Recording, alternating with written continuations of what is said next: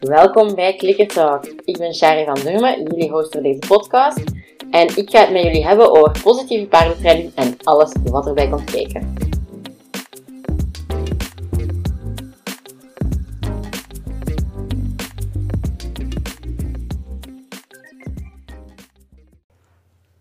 Ik heb weer een nieuw interview.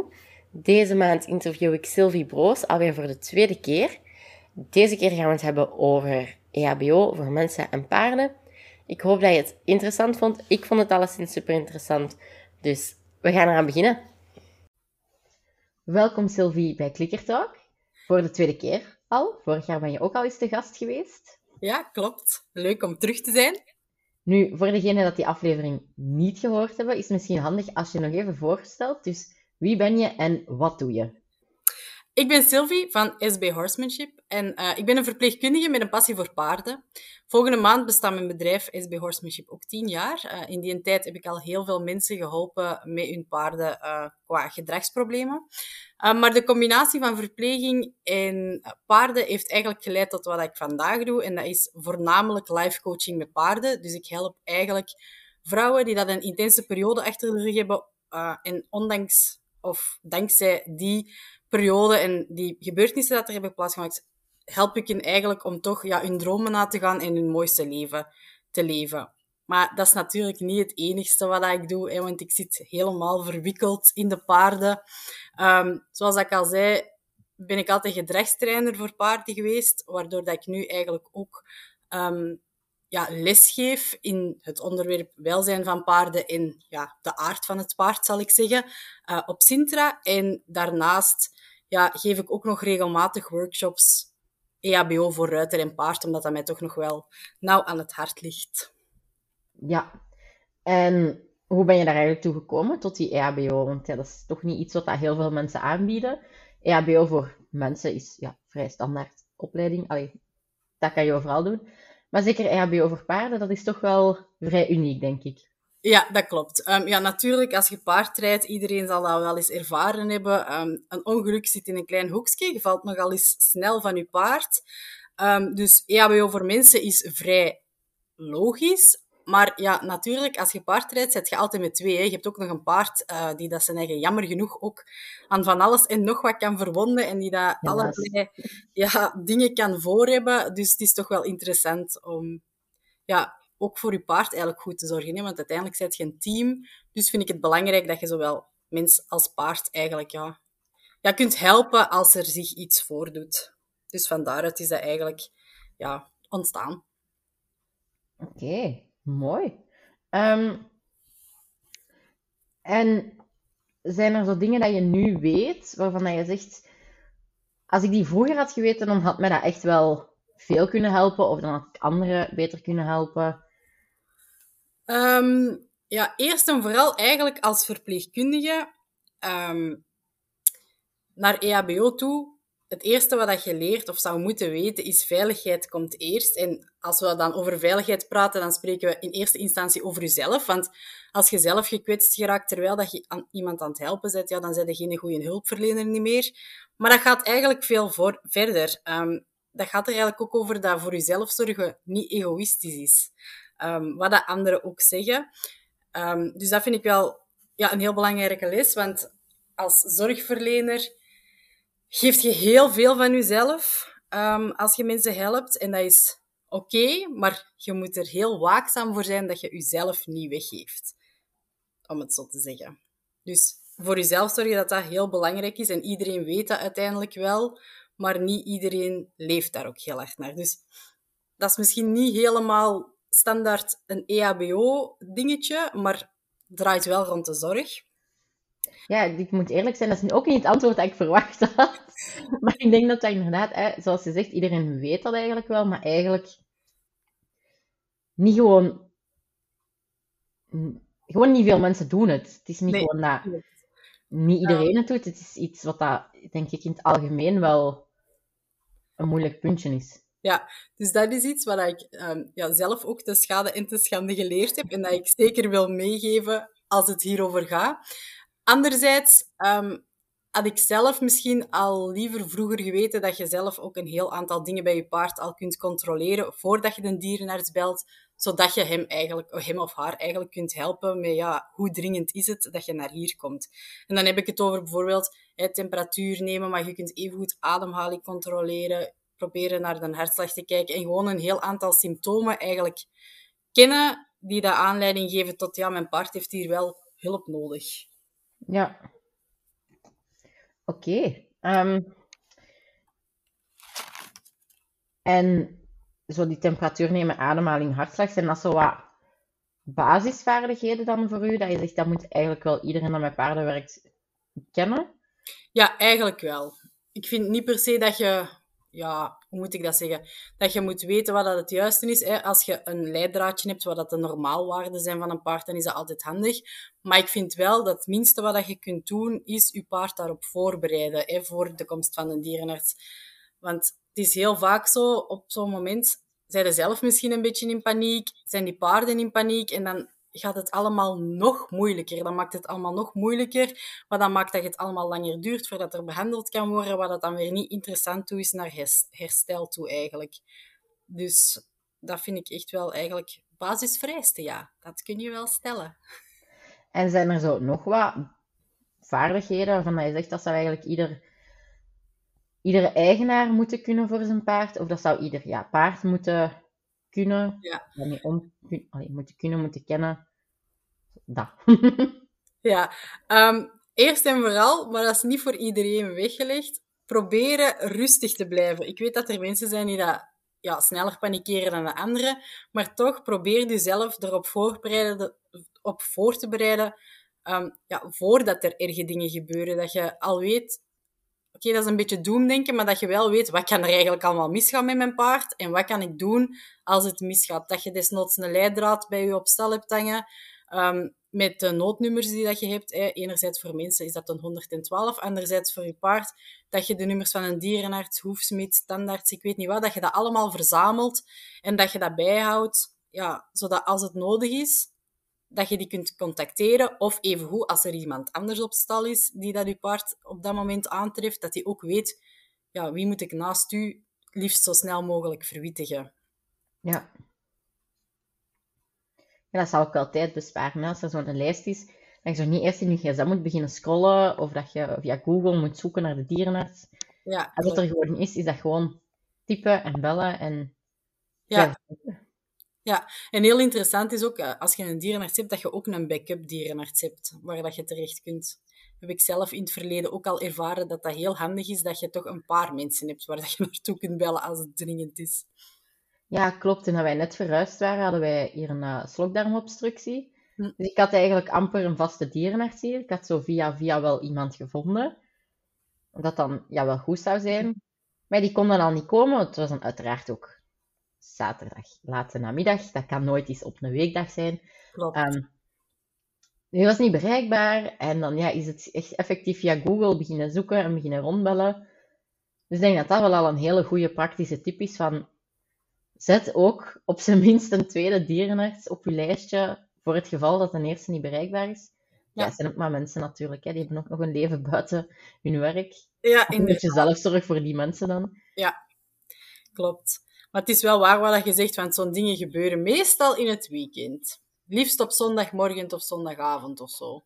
Ja, ja ook niet door allee, de normale uren in het weekend. Liefst ook nog eens avonds, inderdaad. Ja, klopt. Uh, dat is ook wel een beetje het nadeel aan paarden. Je bent daar ook niet 24 op 24 bij. Dus soms ja, staat dat paard daar al even, maar je komt maar op je voedermoment en ja, dan treft je ze maar aan natuurlijk. En dat is ja, wel vaak, morgens of s avonds. Dus, uh... Dat is ook wel waar. Dus ja, de, eigenlijk de basisvaardigheden voor paarden dat iedereen zou moeten kunnen, zijn dan de um, temperatuur meten, ademhaling meten, hartslag meten, um, om te kunnen doorgeven aan de dierenarts. En rustig blijven. Ja, en een beetje inzicht in bepaalde symptomen is natuurlijk ook wel handig. Um, als je paard, ja, je kent je eigen paard natuurlijk het beste. Dus eerst en vooral is het heel belangrijk dat je je eigen paard kent, zodat je weet welk gedrag dat hij vertoont als die in normale omstandigheden zijn eigen bevindt, als hij zijn eigen goed in zijn vel voelt. Want dan kun je maar goed herkennen als dat niet zo is. En als die nu als dat altijd een heel enthousiast paard is en die komt op een gegeven dag niet naar u toe, die staat er zo in een hoekje van de wei met zijn hoofd van naar beneden en zo wat opgetrokken, ja, dan weet je al van, oh, misschien is die niet helemaal goed in zijn vel. En dan moet je gaan kijken, ja, zijn er nog aanleidingen die dat zeggen van, oh, het is kei dringend. Paarden die dan eigen op de grond laten vallen van de buikpijn bijvoorbeeld, ja, dan moet je niet aarzelen en dan moet je onmiddellijk bellen.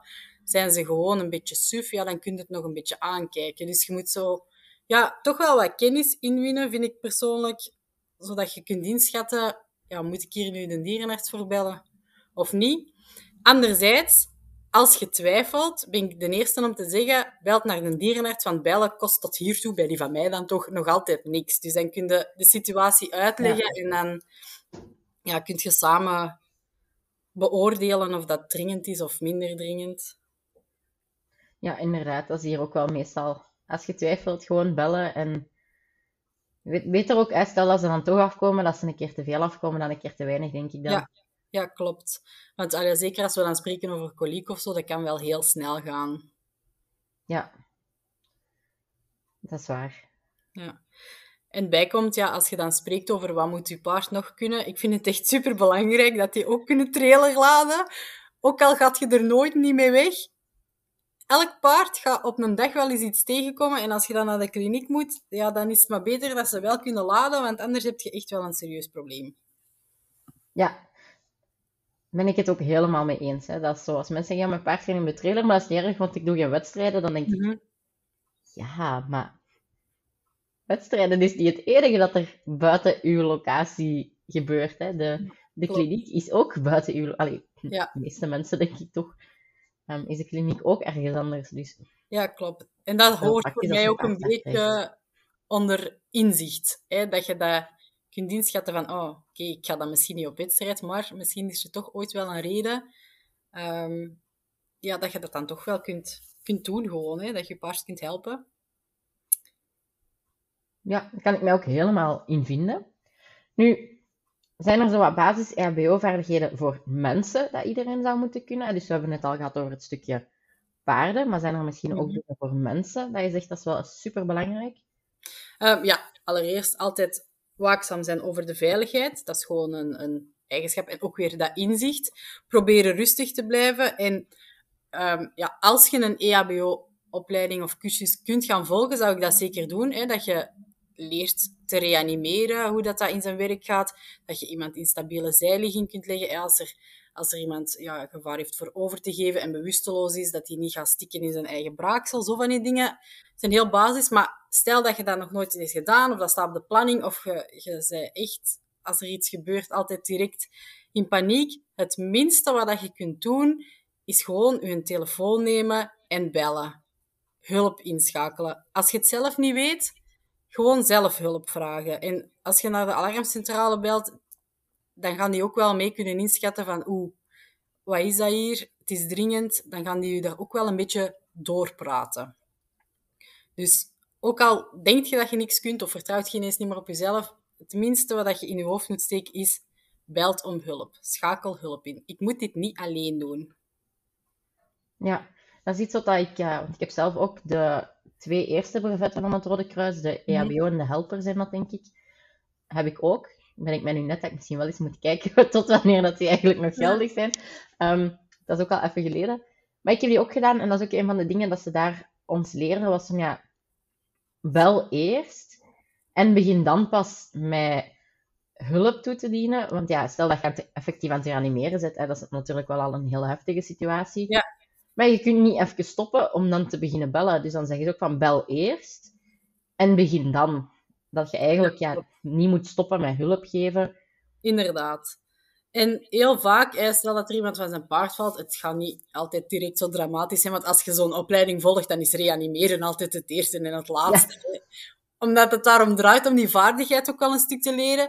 Maar gewoon aanwezig zijn en op een rustige toon tegen die mensen praten en, en laten zien dat die niet alleen zijn en dat er hulp onderweg is. En dat blijven herhalen, dat doet ook al heel veel. Dus gewoon echt, ja, aanwezig zijn is al heel veel waard. En daarvoor moet je nog niet per se weten wat dat gaan doen bent. Als je hulp kunt inschakelen en er gewoon bij bent en rustig kunt blijven, dan zet je echt al goud waard. Ja, dat denk ik ook wel. Want ja, als je zo zelf ook daar ligt en je weet niet zo goed wat er gebeurd is, of wat, dat je, wat dat je aan de hand hebt, of je hebt heel veel pijn. En dat zijn natuurlijk dingen die ook voor heel veel stress zorgen. Hè? En als je dan ook nog eens begint te panikeren, allee, als ja, slachtoffer, Mhm. is ook direct zo heel groot en maar bij Ja. gebrek aan beter woord, dat je als slachtoffer, ja, dat dat ook wel echt een grote hulp kan zijn als er iemand is dat u rustig houdt en u ja, een beetje moed inspreekt. Ja, klopt. Zeggen, rustig blijven, dat geeft sowieso wel veel vertrouwen. Niet alleen bij mensen, ook bij paarden. Hè. Ehm, wat dat ook wel een belangrijk puntje is, en daar zou je misschien niet direct aan denken, maar ik denk dan gewoon aan iemand die dat op de manege van zijn paard valt. Wat is het eerste dat gebeurt als er mensen staan te kijken? Iedereen staat daar Ah. direct rond. Oh nee! Dat je Ja, op zijn minst probeert om je leiderschap een beetje op te nemen en te zeggen en te delegeren, dan wel, dat je, dan mocht je de dominante uithangen. Die, je mag dat eens in een context gebruiken waarin dat ik dat geoorloofd vind. En mensen echt wegsturen of jobjes geven of zeggen, jij belt die, jij gaat dat doen. En, en dat je ook iemand aanspreekt voor mensen er rond weg te houden, want dat, dat helpt echt niet. Niet bij paarden en ook niet bij mensen. Dat er, dat er veel te veel mensen rondstaan. Dat zorgt alleen maar voor meer stress. ja, inderdaad. Dus ehm, ik denk ja. dat we in deze echt wel dominantie mogen inschakelen. De enige situatie waarin het mag. ja.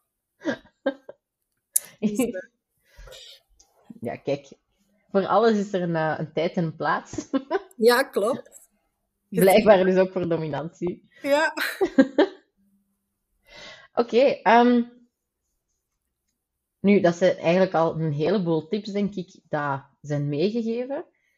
Ehm, nu, je had het daar net al even over je paard voorbereiden op de dierenarts. Ehm, hoe zou jij dat aanpakken en over welke specifieke dingen heb je het dan vooral? Dus ja, je hebt de trailer al genoemd, dus dat ze de trailer moeten kennen en moeten kunnen laden. Maar Ja. zijn er zo nog dingen? Heel belangrijk. En dan nog iets wat dat dood eenvoudig is, maar daarom nog niet door iedereen altijd gehanteerd. Het is heel belangrijk dat je paard gewoon kan stilstaan en oké is met aangeraakt te worden. Ook al vindt hij dat niet altijd even fijn, ik vind dat wel iets om te trainen binnen de comfortzone van het paard natuurlijk, maar dat hij overal aangeraakt kan worden. Want de dierenarts, ja, als er iets is, die gaat ook moeten voelen.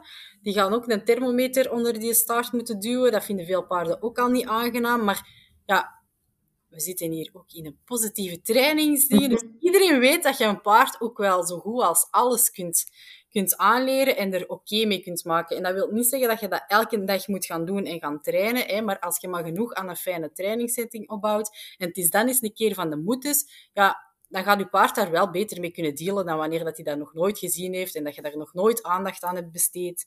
Um, en zo kun je eigenlijk heel veel dingen gaan doen. Hè. We hebben al gezegd die temperatuur, evengoed die hartslagmeter als... Uh, ja, met de stethoscoop, als een dierenarts dat gaat doen, dat is altijd zo in de oksel van het paard. En heel veel paarden vinden dat al super irritant als je daar met je hand tussen gaat. Dus dat zijn dingen waarop dat je ze kunt voorbereiden. Um, evengoed standaard dingen. Hè. Dat, dat heeft dan niks mee met noodgevallen te maken, maar als je paard gevaccineerd moet worden, je kunt ze daarop voorbereiden, op onaangename handelingen. En dan maakt dat Ik hoop dan... nu dat de podcast niet gecensureerd gaat worden omdat het wordt gevaccineerd gevallen. Oh no! Oh no!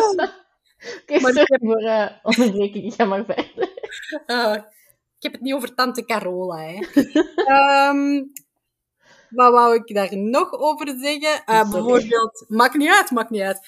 Ehm, dat is dan ook naar de tandarts toe, maar dat je paard dat je ook aan die mond kunt komen, dat je er eventueel in kunt kijken. Want als je paard wat moeilijk begint te eten, ja, het eerste wat dat je eigenlijk zou moeten doen dan, is toch eens even zelf al checken of dat je niet iets ziet. En dan, ja, tandarts of dierenarts die dat gespecialiseerd is in de tanden, gaan inschakelen. Um, en wat dat ook een hele interessante is, uh, dat heb ik zelf een keer gehad met een paard dat eigenlijk ja, zijn eigen ook niet goed liet prikken. Um, die begon dan echt te slaan met zijn hoofd naar de dierenarts en, en die werd echt gevaarlijk.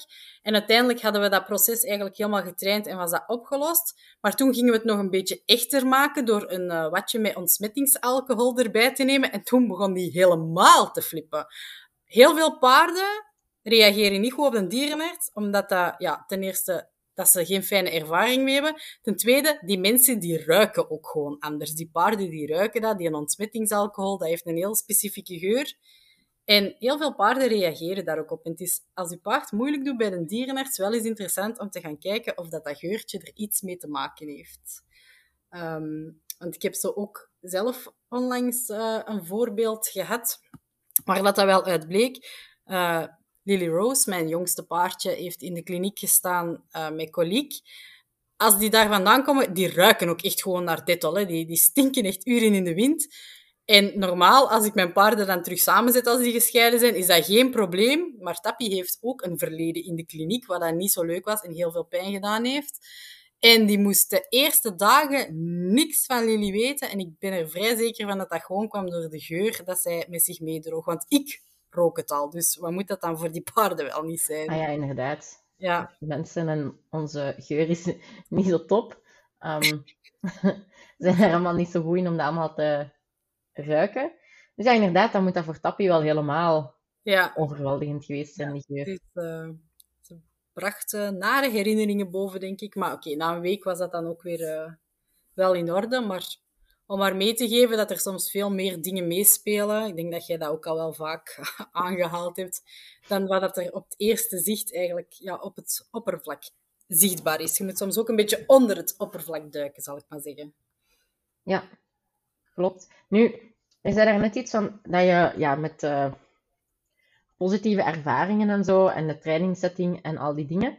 Um, nu, bedoel je dan ook dat het gaat helpen als je een ja, algemenere goede ervaring, dat, ja, het spaarpotje, zoals ze zeggen, mm -hmm. paarden.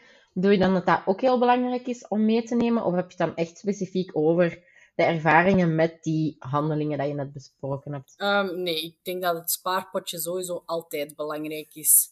En als je dat ook een beetje gaat inzetten, ja, dat je eigenlijk die, die handelingen dat we nu allemaal gezegd hebben, als je dat ook gaat meenemen in je training en je paard daar niet mee overdondert en gewoon systematisch af en toe iets meeneemt, dan denk ik dat dat wel in orde komt. Allee, zelfs als het dan eens een keer minder is, want ik denk dan aan de Tappie, hè, die heeft ook drie weken in de kliniek gestaan een paar jaar geleden, omdat hij een hoefabsces had. En ze moesten echt om de paar dagen ja, haar helemaal verdoven en, en die, dat, ja, dat letsel terug openmaken, omdat dat snel dichtgroeide.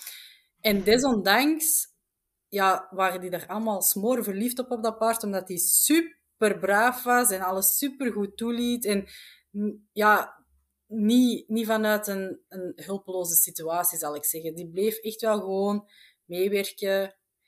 En ik denk wel dat dat te danken is aan de training die dat eraan vooraf gegaan is.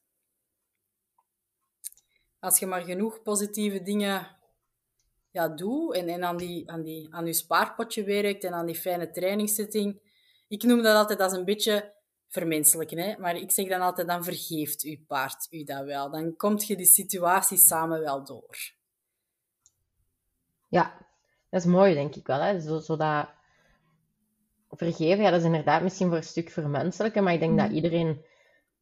Allee, ik hoop, ik ga een beetje vanuit dat de meeste mensen die naar uh, deze podcast luisteren, ook wel ja, er een beetje door kunnen kijken, door zo dat hele menselijke stuk van vergeven. Um, dat ja. ze ja, wel zullen snappen wat hij daarmee bedoelt. Ja. Oké, okay. um, nu dat is al een heleboel dingen, denk ik, waar mensen mee aan de slag kunnen. Van ja, de trailer, stilstaan, aanraken, hartslag, temperatuur, vaccineren, de mond laten nakijken, geur oefenen. Um, dat is al heel veel. Ja. Misschien, nog een, misschien nog één kleine basisdingetje toevoegen. Voetjes geven is ook een, een, een basishandeling. maar... Voilà, ja. Dus ook nog voetjes geven. Voilà. Dus iedereen dat niet weet wat doen deze winter. Ja. Dat zijn allemaal dingen waarop ja, je kan oefenen, dat je niet veel plaats voor nodig hebt. Inderdaad. Um, Oké, okay. dan heb ik nog één laatste vraag voor u. Tenzij dat je hier over al dit nog wat wilt dingen toevoegen. Nee, ik denk dat het oké okay is. Ik heb, oh, jawel, ja. sorry. Ik heb ontwormen niet benoemd. Dat is ook zo'n handelingetje. Maar, ah ja, inderdaad. Maar het is gewoon omdat we dat dan toch benoemd hebben. Voilà. Dus ook ontworming kunt je oefenen in de winter. Gaat allemaal. Um, nu, mag ik nu wel de laatste vraag stellen? Of is er Ja. nog iets?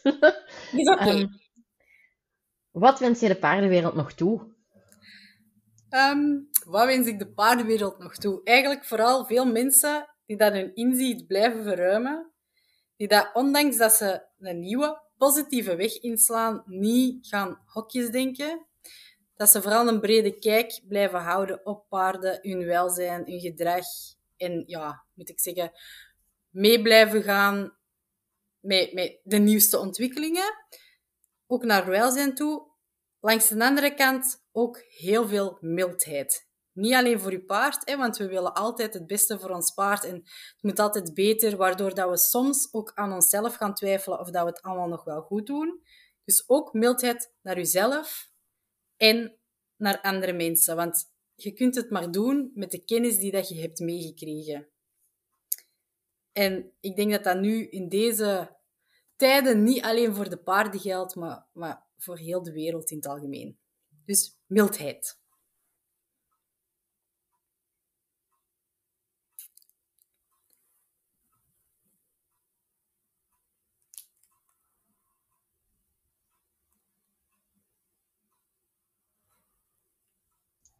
Oké, sorry, dit stukje ga ik even knippen.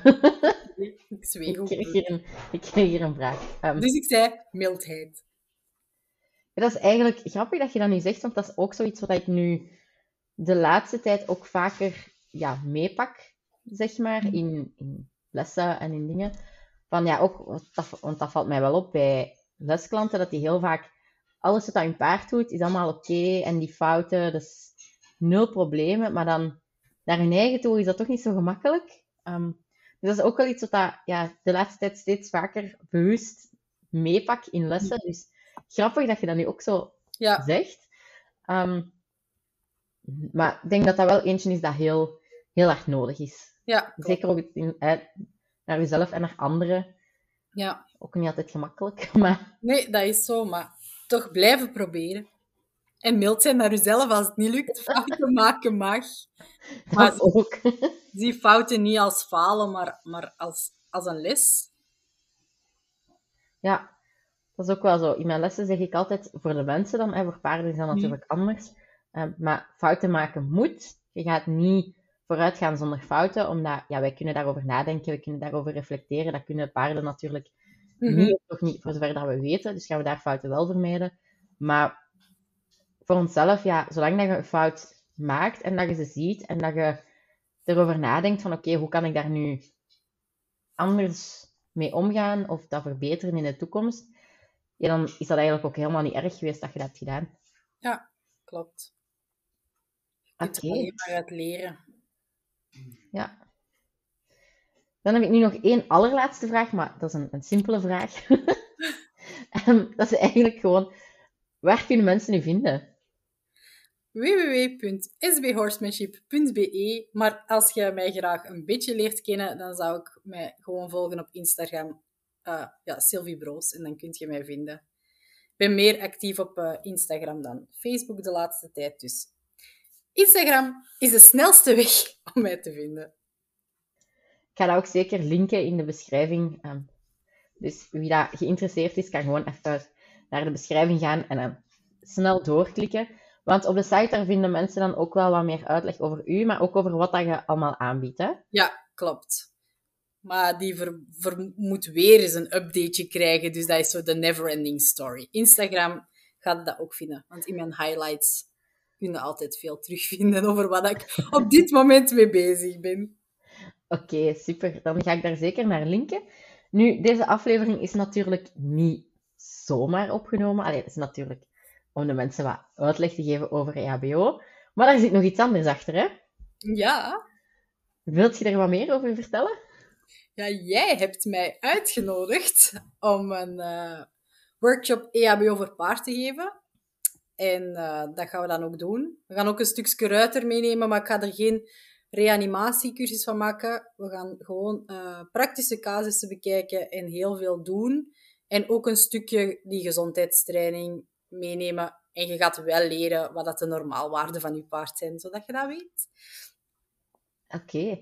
Dus eh, iedereen dat zegt, ah, ik heb hier deze aflevering super veel uit geleerd. Ik zal ook nog de link in de beschrijving zetten naar de uitleg van onder andere die lesdag. En dan is dat makkelijk terug te vinden. En uh, oké, voilà, dat was het dan, Sylvie. Oké. Okay. Dankjewel dat je weer al in de podcast zou komen. Dankjewel voor de uitnodiging. Super tof. En ja, ik zie je sowieso binnenkort dan hè, met de lesdag. Oké. Goed. Doei. Bye. Dat was het interview alweer. Ik hoop dat je het even interessant vond als dat ik het zelf vond.